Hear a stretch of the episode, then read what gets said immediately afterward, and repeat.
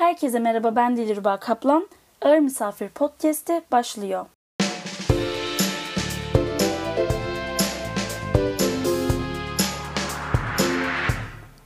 Öncelikle Ağır Misafir serimizin ilk bölümüne hoş geldiniz. Bu serimizde yayın sektörü ve edebiyat dünyasından birbirinden değerli isimleri konuk edeceğiz. İlk konuğumuz Kum Tefrikaları ve Muhtelif Evhamlar kitabının yazarı Ömür İklim Demir bizlerle. Öncelikle tekrardan hoş geldin demek istiyoruz size programımıza. E, buraya konuk olarak gelmeyi kabul ettiğiniz için. Nasılsınız? E, bunu soralım önce. Ben iyiyim, teşekkür ederim. E, gayet güzel bir yaz gününde e, böyle bir güzel davet aldım. Podcast'e katıldım. O şekilde geçiyor zaman. Evet, ee, birazcık bayrama denk geldi ama evet. çok şükür gerçekleştiriyoruz. Evet. E, biz size önce şunu sormak istiyoruz. Ömür İklim Demir kimdir ve kim değildir? Evet. Bunlar çok zor sorular aslında. E, muhtemelen çoğu insan için zor sorulardır. Yani cevabını bildiğim sorular değil. E, hani gerçekten kim olduğumu e, açıklayabilmem muhtemelen zordur yani her insan gibi ama e, ne anlatabilirim? Belki CV tadında veya bir özgeçmiş tadında e, bir şeyler anlatabilirim. E, İstanbul Üniversitesi Hukuk Fakültesini e, bitirdim. 7-8 yıl ceza avukatlığı yaptım. E, tabii öğrencilik yıllarımda ve bu avukatlık yaptığım yıllarda bir yandan da yazdım. E, fanzinlerde yazdım, dergilerde yazdım. E, zamanla bu yazma kısmı ağır bastı ve e, birden yazarak nasıl bir hayat kurabilirimin peşine düştüm. E, kendimi derken reklam yazarı olarak buldum. Reklam yazarlığı yaptım bir süre. E, sonra da e, yavaş yavaş e, daha da edebiyat kısmı ağır bastı ve e, muhtelif evamlar kitabıyla iyi kötü bir başlangıç yaptım e, kurmaca dünyasında. E, böyle diyebilirim kısaca kendimle ilgili. Aslında yazmak her zaman yani hayatınızda olan bir tutkuymuş diyebiliriz. Ne kadar hayatınızın avukatlığa harcamış olsanız da yani o alana vermiş evet. olsanız da. Evet. Ee, peki avukatlık alanından bu alana geçişiniz yani sizin yazarlık serüveniniz ben bu alanda devam edebilirim dediğiniz nokta nasıl başladı sizin? Yani yazmak e, hayatında sürekli olan bir şeydi zaten. Hani e, kimi insan sportmen bir yapısı vardır. Spor yapar. O gündelik hayatının parçasıdır. Yani e, tatile de gitse sabah kalkar, koşusuna çıkar, yüzme, yüzer ama işte başka bir insan için o tuhaf bir şeydir. Benim için yazmak öyleydi. Yani çok kendimden ayırabileceğim bir eylem değildi. O nedenle hani e, onu ayrı bir köşeye koyup hani ben yazmaya başlayayım, yazar olayım e, gibi bir düşünce o nedenle yani ayrılıp da e, çıkmadı. Yani o, o benle beraber hep var olan bir şeydi. Sadece e, nasıl sadece bundan ibaret olabilirimin peşine düştüm. Öyle söyleyebilirim. Biraz e, ağırlıkları attım yani hani batmamak için e, ve kendimi bu şekilde e, yazarken buldum diyebilirim. Sadece yazarken. Bence gerçekten çok güzel özetlediniz. Böyle yavaştan kitaplar noktasına da geçmek istiyorum. Ben Muhtelif Evhamlar kitabıyla ve Kum Tefrikalarıyla henüz yeni tanıştım daha e, hani o bahsettiğimiz kurmacalar, kurgunun işleyişi beni gerçekten çok etkiledi. Peki sizin kitabınızın kurgusunu oluştururken sizin için en önemli bu noktalar benim için olmazsa olmaz dediğiniz unsurlar neler? Ya aslında e, bir şey yazarken herhangi bir metni, kurmaca metni yazarken e, kalkıp böyle olmazsa olmaz nasıl bir unsur vardır ya da neyi koymazsam bu metin olmaz diye bir soru içinden açıkçası geçmiyor. Çünkü e, böyle bir soruyu sormak e, ilk başta şunu getiriyor. Metne bir tane e, filtre koymuş oluyorsunuz. Bir tane aslında e, bir çeşit ön yargı veya bir e, hüküm vermiş oluyorsunuz ve o filtreden geçerek bir şey üretiyorsunuz. O nedenle e, bu tarz bir e, kısıtlamam ya da unsurum yok. Yani e, herhangi bir unsur bir metne dair, bir türe dair herhangi bir unsur bence silinebilir, değiştirilebilir, bozulabilir. E, o nedenle bu tarz e, unsur belirlemek veya belli kavramları e, idolleştirmek, çok önemli hale getirmek ister istemez metni de kötü yönde etkiler diye düşünüyorum. O nedenle benim hiç e, bu tarz bir yaklaşımım olmadı metne dair. Evet, kum tefrikaları da farklı farklı türlerden böyle gerçekten çok fazla unsur içeren bir kitap. O yüzden ayrıca ben sizden de başka türde kitaplar, kurgular okumayı da gerçekten çok isterim. E, kurgularınızın konusunu nasıl seçiyorsunuz? Yani e, Bunlar aklınızda oluşurken, oluştururken bunları nasıl bir süreçten geçiriyorsunuz? Ee, yani bu soru çok sorulan bir soru. Her yazara çok sorulan bir soru veya her e, kurmaca e, eser üreten kişiye çok sorulan bir soru ve muhtemelen çoğu insanda bunun net bir cevabı yoktur diye düşünüyorum. Ee, yani kalkıp da bir karakteri veya bir e, olay örgüsünü durduk yere düşünüyorsunuz. Ama bunun bir önceki aşamasını emin olun e, ben de bilmiyorum. Mesela kum tefrikalarını bir rüyayla başladı. Ben bir rüya gördüm. E, mavi bir at koşuyordu çölde. E, hikayesiyle gördüm ben onu. Sonra bu hikayeyi e, işlemeye başladım ve mesela öyle çıktı kum tefrikaları ama neden bir çöl gördüm, neden bir at vardı, neden at maviydi veya bu isimler neydi gibi bir şeydi ben de bilmiyorum yani. Muhtemelen e, ister istemez e, bilinç dışı etkilendiğim, farkında bile olmadığım şeylerin bir şekilde e, beynimin süzgecinden geçip oluşturduğu e, imgelenler, imgeler bunlar yani hani yoksa şey yok bir kaynak var oradan tak diye e, ilham tırnak içini söylüyorum e, geliyor diyemiyorum. E, sadece tahminde bulunuyorum o nedenle bulunabiliyorum. Anladım, anladım. Şimdi benim gerçekten kum tefrikaları özelinde sormak istediğim çok soru var. Çünkü okumaya başladığım andan karakterleriyle içinde yer alan e, şeylerle beni çok etkileyen ve ister istemez araştırmaya iten bir kitap oldu. Ama o sorulara geçmeden önce birazcık daha kurgularınız ve kitaplarınızla alakalı genel sorularla devam etmek Tabii. istiyorum.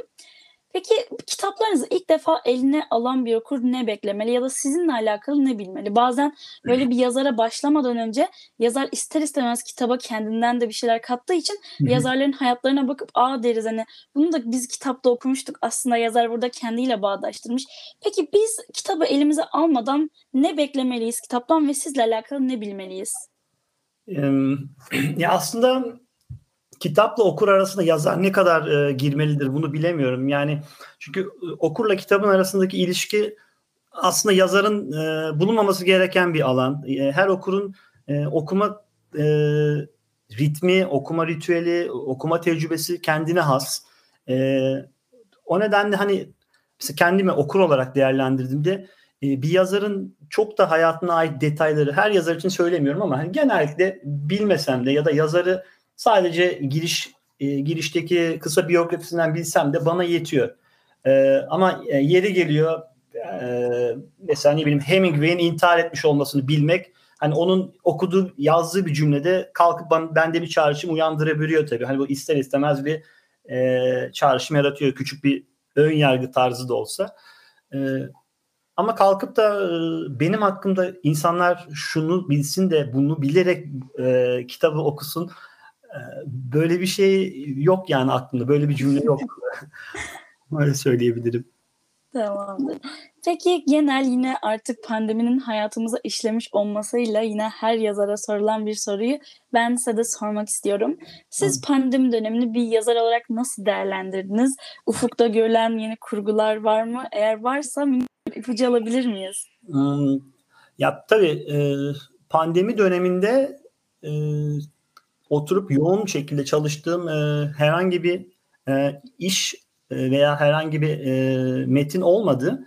Ama e, notlarım oldu. Çok fazla e, notum işte öykü taslaklarım, e, yerine göre işte paragraflarım, e, kur, kurmacanın nasıl olacağına dair mesela belli izlekler, bu tarz e, şeyler üzerine notlarım oldu ama oturup da e, bir kitap formatına getirecek e, bir çalışma yapmadı. Bu süre biraz açıkçası e, tüm dünya gibi sanırım ben de gayet verimsiz bir şekilde yani bomboş e, geçirdim gibi düşünüyorum. Çünkü e, evden çıkmadan işte sadece yemek yiyip televizyon izleyip böyle bomboş geçirilen bir bir yıl en azından yaşadım.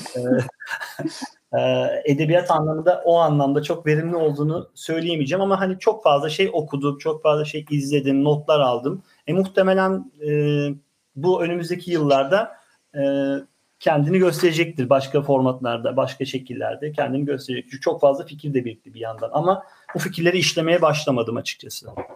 O zaman e, ilerideki kurgularınızı biz gerçekten bibliograf ekibi olarak heyecanla bekliyoruz. Bu evet. soruları oluştururken, kayıt hakkında bu kayıt hakkında konuşurken yine olduğu üstüne falan yine konuşmamızı biz gerçekleştirdik.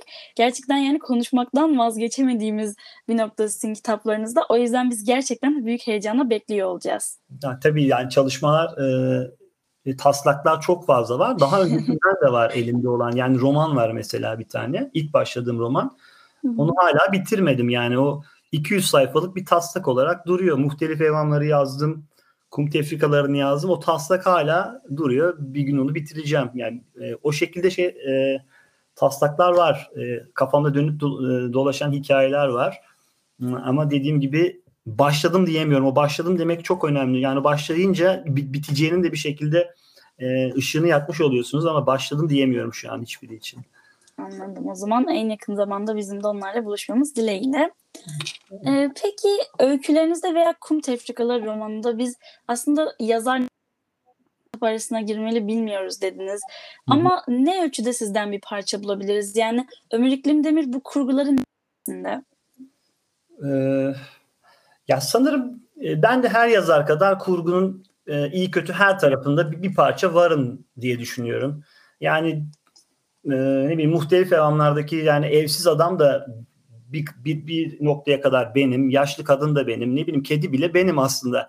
Ama e, bu bunlar e, benim hayatımdan yüzde yüz otobiyografik e, kesitler içeriyor mu? Hayır. Ama mutlaka e, bana dair esintiler var. Yani olmaması düşünülemez. Zaten çünkü e, hani cümleyi kuran benim. E, böyle bir etki olmaması düşünülemez ama otobiyografik veya herhangi bir hatıra hatırayı aktarmak şeklinde e, bir şey kullanmadım e, yazdığım metinlerde. Yani bir günlük niteliği taşıyan e, metinler, paragraflar yok şu an. Aslında e, Muhtelif Evhamlar kitabı gerçekten toplumun her kesiminden, her yerinden farklı farklı karakterler içeriyor, içeriyor ve illa ki yani hikayelerden birinde birine baktığınızda okur bile hani bir noktada ben de buradayım, ben de bu karakter gibiyim diyebiliyor. Bence Muhtelif Evhamlar kitabı bu yönüyle yani herkesi bir yerde toplamada kendine çekmede çok güzel bir e, öykü kitabı. Evet. Bunu da de... ekleminden geçemeyeceğim. Teşekkür ederim. Peki Muhtelif Evhamlar kitabı e, sizin ilk kitabınız aslında evet. yayınlanan daha doğrusu. Evet. Peki Ömür İklim Demir'i muhtelif evhamlardan önce ve sonra olarak nasıl tanımlayabiliriz? Yani e, kişisel olarak hani iç dünyamda değişen bir şey var mı derseniz bir şey değişmedi. Ben hala aynı benim aynı hayatı yaşıyorum. En fazla değişen şey hani e, evde ben yazıyorum bir şeyler falan dediğimde insanlar ha iyi ne yazıyorsun? Ne iş yapıyorsun peki falan diye sorardı yani. Çünkü evde bir şeyler yazmak sonuçta hobi gibi bir şeydir yani çoğu insan için. Ama artık en azından bu tarz sorular sorulmuyor. Ne, ne yazıyorsun diyorlar sadece. Yapacak mısın diyorlar. Hani e, dışarıdan gelen e, sorular ve tepkiler biraz değişti. E, onun dışında hani e, iç dünyamda her şey aynı. Böyle böyle diyebilirim en fazla. Çünkü e, yani yaptığımız eylemler sanırım dışarıyı daha çok etkiliyor. Yani içeriye çok da bir yansıması olmuyor.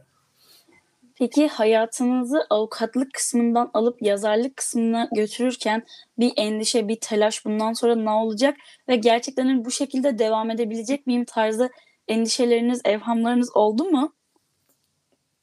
Yani herkes kadar olmuştur ama e, zaten hani o süreci birdenbire o kararı vermedim. Sonuçta 7-8 yılın sonunda insan o kararı alıyor. Belki hani iki, ikinci yılda düşünüyorsunuz ya ben ne yapıyorum doğru yerde miyim? diye ama hani ondan sonra doğru yerde olup olmadığınızı anlamak veya net bir karar vermek öyle hemen olmuyor. Yani ondan zaten 7-8 yılım geçti ve en son yok dedim yani. Hani e, yani o kararı vermem e, bu zaman yani bu zaman zarfına yayıldı öyle söyleyebilirim. Yani birdenbire ben de veremedim bu kararı çünkü o kadar çok faktör var ki yani o kadar çok çevrenizde insan var ki yapma ya da saçma bir şey diyen ee, bir de e, kaç yaşındaydım? 32-33 yaşındaydım. Ben e, reklam ajansına girdim yani tamamen e, alakasız. Herkes kariyerinin bir yerde yükselişe geçtiği yerde ben sıfırlayıp bambaşka bir yere geçtim mesela. Yani çok normal bir şey değil ama orada da güzel işler oldu.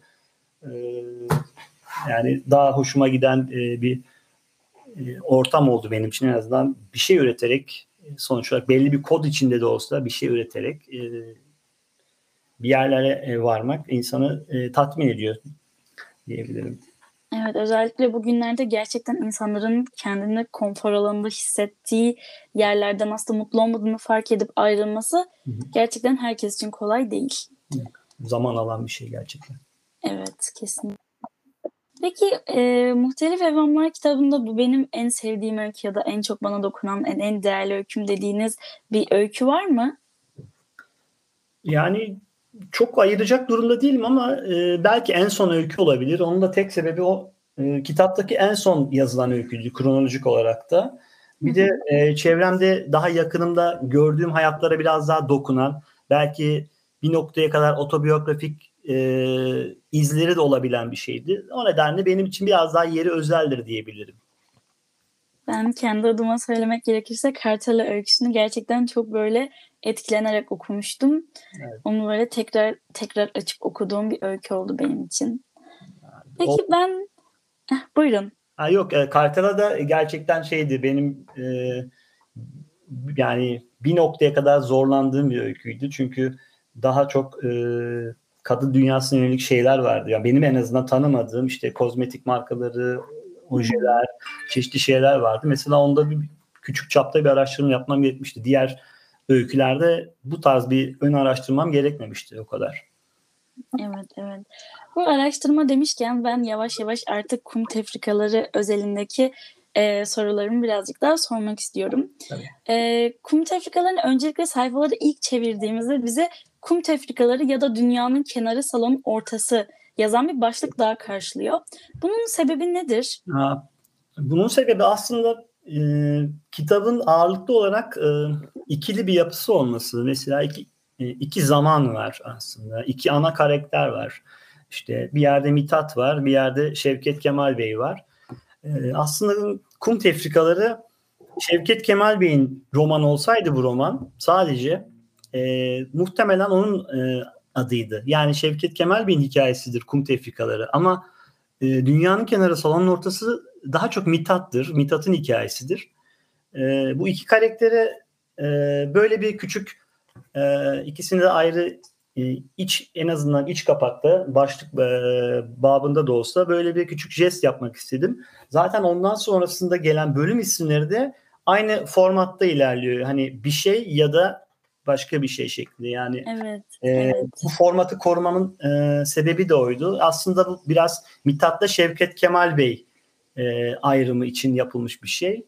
E, bir bakıma benim de mesela bu iki isim arasında kalmıştım uzun süre. Yani dünyanın kenarı salonun ortası da olabilirdi bu kitabın adı. Kum tefrikalar ikinci sırada olabilirdi ama e, ilk başından beri kum tefrikaları olarak başladığım için en son ağır bastı kum tefrikaları ismi. Çünkü kitabın ortaya çıkması, Mithat'ın hayatındaki değişiklikler hani bunların hepsinin sebebi aslında o günlük ve günlükle beraber gelen o tefrika edilme süreci olduğu için e, aslında kitabın e, ana karakteri o tefrika süreciydi. Yani ona karar verdim ve kum tefrikalarını üst sıraya aldım. O, o isimler sıralanması öyle gelişti. Anladım. Peki e, kum tefrikaları tarihi dokusuyla bir sürü detay içeren ve çok etkileyici bir kurguya sahip e, dediğim gibi ben okurken hani artık o e, günlükteki karakterlerin isimlerini e, geçen isimleri okudukça bir yandan da internetten araştırmaya başladım. Hani siz başında tarihi gerçeklikleri andırsa da gerçeklikle bir alakası olmadığını da ekliyorsunuz. Ama kitap hangi noktaya kadar gerçeklerle örtüşüyor? Ne noktada bu gerçeklerden yararlandınız ve arka planda hani bu kadar iyi işlenmiş bir kurgunun nasıl çalışmalarda bulunarak bunu desteklediniz? Ee, kitabın yani evet tarihi e, kısmı aslında mesela e, ana odak olarak Kahire Seferi diyebiliriz. E, eğer karakterleri internetten aradıysanız e, okurken muhtemelen hani e, belli bir noktaya kadar ne olacağını görmüşsünüzdür. Evet. e, e ve Kahire Seferi süreci e, birebir yaşanan bir tarihi süreç olduğu için ben bu sürecin içine aslında Şevket Kemal Bey'i bir telgraf görevlisi olarak e, dahil ettim ve onun gözünden bu süreci anlattım. O nedenle e, Kahire seferinin olduğu noktaya kadar olaylar birebir e, tarihi gerçeklikle uyumlu giderken yavaş yavaş biz o makasın e, açıldığını görüyoruz.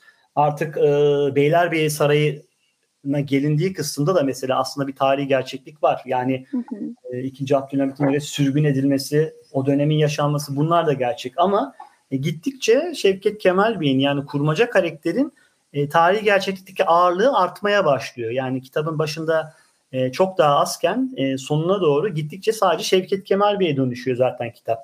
E, yani belki tarihi gerçeklik %100 olarak başlayıp gittikçe azalıp belki en son %1'e kadar iniyoruz ve sadece %99 Şevket Kemal Bey'in olduğu bir e, gerçekliğe varıyoruz. Bunu kademe kademe yaptım ama dediğim gibi ilk kırılma yani o e, Kahire Seferi'nin bittiği ve artık e, Beylerbeyi Sarayı kısmının başladığı yerde oluyor. En büyük ilk kırılma ve ondan sonra zaten hız artıyor. Peki e, bu, tar- bu bu kadar hani tarihi şeyi toparlarken, araştırırken sizi bunlar ne ölçüde zorladı ya da nasıl çalışmalarda bulundunuz? Evet, e, dil dille ilgili en çok çalışmalar yapmam gerekti. O da şöyle ki yani sadece e, eski kelimeler yani eski cümleler e, eski dili kullanmak değildi mesele. Çünkü e, mesela o dönem Halit Ziya Uşaklıgil var. E, gayet sofistike bir dil kullanıyor. Fakat benim karakterim e, asker, subay. O nedenle e, ben o dönem yazılmış e, o dönem yazılmış askerler tarafından yazılmış e, mektupları, günlükleri mesela Mahmut Şevket Paşa'nın günlüklerini, Enver Paşa'nın mektuplarını, Kazım Kar- Karabekir'in e, mektuplarını, günlüklerini okudum ve e, o, o dönem ya 1913-1914'teki subay sınıfının nasıl bir jargonla konuştuğunu daha çok hakim olmaya çalıştım. Eski dili kullanmanın yanında. Pek çok akademik eser, havacılıkla ilgili kitap okudum. Bunlar zaten artık e, söylemem bile tuhaf olur.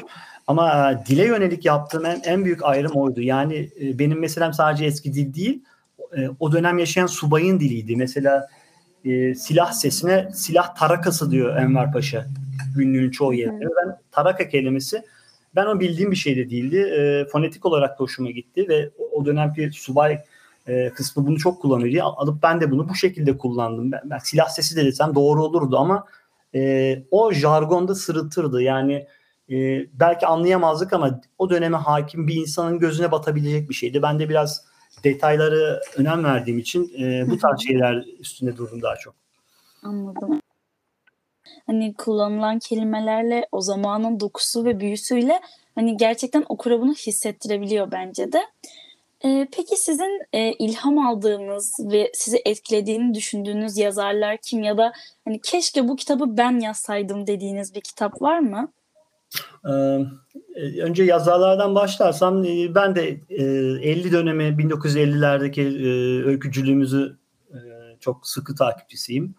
E, yazarlardan genellikle yine daha varoluşçu ya da işte bilinç akışını çok kullanan yazarları e, nasıl diyeyim e, kendime öncü olarak görüyorum. Onları onları e, takip ediyorum özellikle. Yani herkesin hemen hemen okuduğu yazarlar aslında. İşte Oğuz Atay, Fatılgan, Tommy Suyar, Koko Bener. Bizim edebiyatımızdan bu yazarları söyleyebilirim. Ya da işte yine dünya edebiyatından Camus, Sartre bunlardan bahsedebilirim. Hı hı. Anladım. Ee, peki bir okur olarak bu sefer Ömür İklim Demir'i bir okur e, yazar olarak değil bir okur olarak değerlendirecek olursak siz kitaplarda ne arıyorsunuz ya da size kitapların ne sunmasını bekliyorsunuz? Ee, ya okur ya da seyirci olarak e, aslında beklentisiz bir insanım diyebilirim. E, çünkü e, yani eserle e, kendim arasında çok fazla bir şey girmesini istemiyorum. O nedenle beklenti de bana bir çeşit ön yargıymış gibi geliyor. Yani belli bir beklenti izlediğinde otomatikman e, o kitabı ya da o e, filmi ya da o müziği bir kategoriye koyup onun içinden zorla geçirmeye çalışıyormuşum gibi geliyor. O nedenle e, öyle bir şey olmaması amacıyla ben e, daha çok bu ön yargıdan ayrılıp e, okumaya veya izlemeye çalışıyorum diye seviyorum. Anladım, anladım. Gerçekten aslında çok mantıklı bir bakış açısı. Biz biraz daha ben şu türde severim. Şöyle şeyler bak e, beklerim diye bakarak kendimizi bayağı bir sınırlandırıyoruz aslında. Keşke ben de sizin gibi bakabilsem. E, son olarak biz e, konuk olarak gelen e, konuklarımızdan e, okurlarımız için, bizim takipçilerimiz için e, kitap önerileri rica ediyoruz. Siz bibliograf okurlarına üç kitap önerecek olsanız bunlar ne olurdu diye sorsam?